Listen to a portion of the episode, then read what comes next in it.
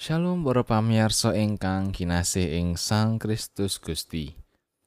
Matur nuwun panjenengan taksih mirengaken renungan basa Jawi Sabdo Winedar. Mitra saben ari marsudi ati. Renungan dinten menika kaparingan jejer Gusti Allah sumbering pangrimat. Kita sesarengan badhe gegilut criyosipun Rama Yusuf.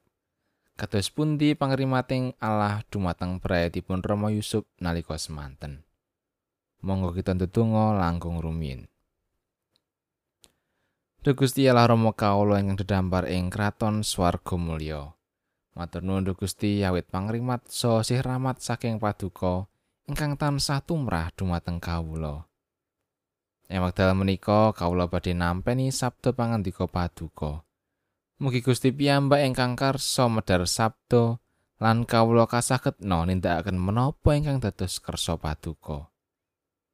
Anggenipun kawula nglampahi gesang peparing paduka, tasih kathah dosa ingkang sumela.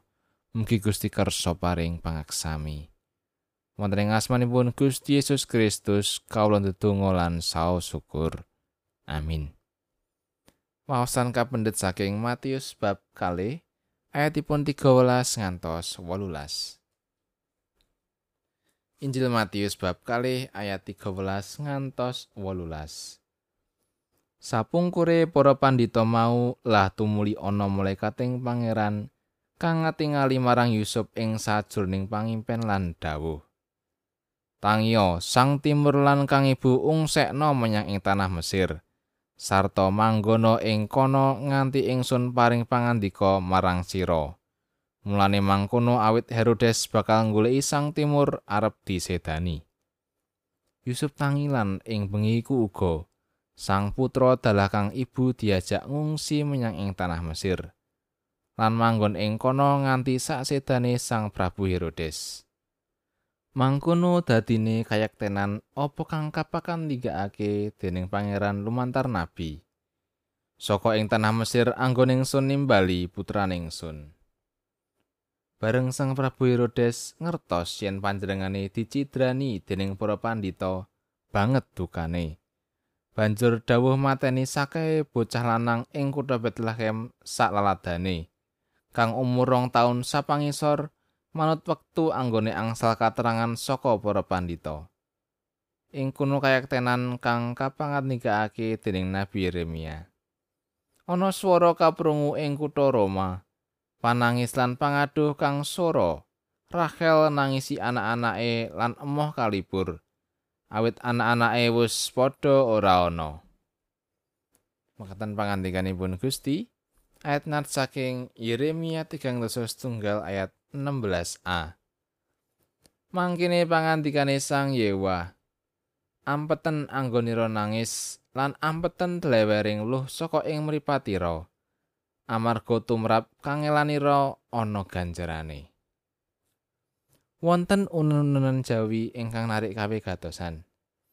Ungulipun kirang langkung mekaten. Aja gumunan, aja kagetan, aja ketunan, aja aleman. Pocapan menika ngemu teges bilih saben tiyang menika sami kabarek supados mboten gampang gumun, kaget, getun lan aleman saengga saged enggal nata dan dosi lan nglajengaken gesang sarta sampun ngantos kedlarung anggenipun ngraosaken gumun, kaget lan getun. Saking unen-unen Jawi menika, kita badhe ngraosaken waosan Injil ing dinten menika. Kacarios Rama Yusuf mboten dipun paringi wekdal ingkang cekap kangge ngumun menapa dene kaget ing bab kawontenanipun. Mirunggan sesambetan bab iyosipun Gusti Yesus awit piyambakipun kedah enggal-enggal sumingkir dhateng Mesir. Kangge nyelametaken priyatipun saking sang nata Herodes. Saderengipun Rama Yusuf kaget lan gumun, awit karawan para pandhita utawi tiyang maju saking nagari Monco. Dene anggenipun rawuh menika misungsungaken raja brananipun minangka bebungah awit wiyosipun bayi Yesus. Kamangka piyambakipun dereng nate tepang saderengipun. Ananging raos kaget lan gumunipun Rama Yusuf lajeng ical nalika nampi sabdanipun Gusti Allah lumantar malaikatipun. Sacara kamanungsan Rama Yusuf tamtu kemawon badhe rumaos bingung. Awit dereng dangu wonten Bethlehem, Gusti Allah sampun paring dawuh supados enggal sumingkir.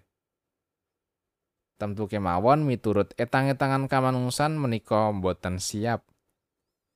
Kawontenan ingkang dipun alami dening Rama Yusuf lan priyatipun menika nedahaken pakaryan lan pangrimatipun Gusti Allah ingkang boten saged dipun lalar sacara kamanungsan.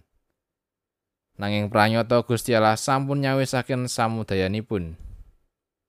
Saking wawasan kita bab lelampanipun Rama Yusuf, wonten pitakenan merunggan. Menapa kita nate ngraosaken kawontenan ingkang kados dene Rama Yusuf? Menawi nate, kita mboten pantes malih maiben Gusti Allah, sumbering pitulungan lan pangrimat kita. Amin.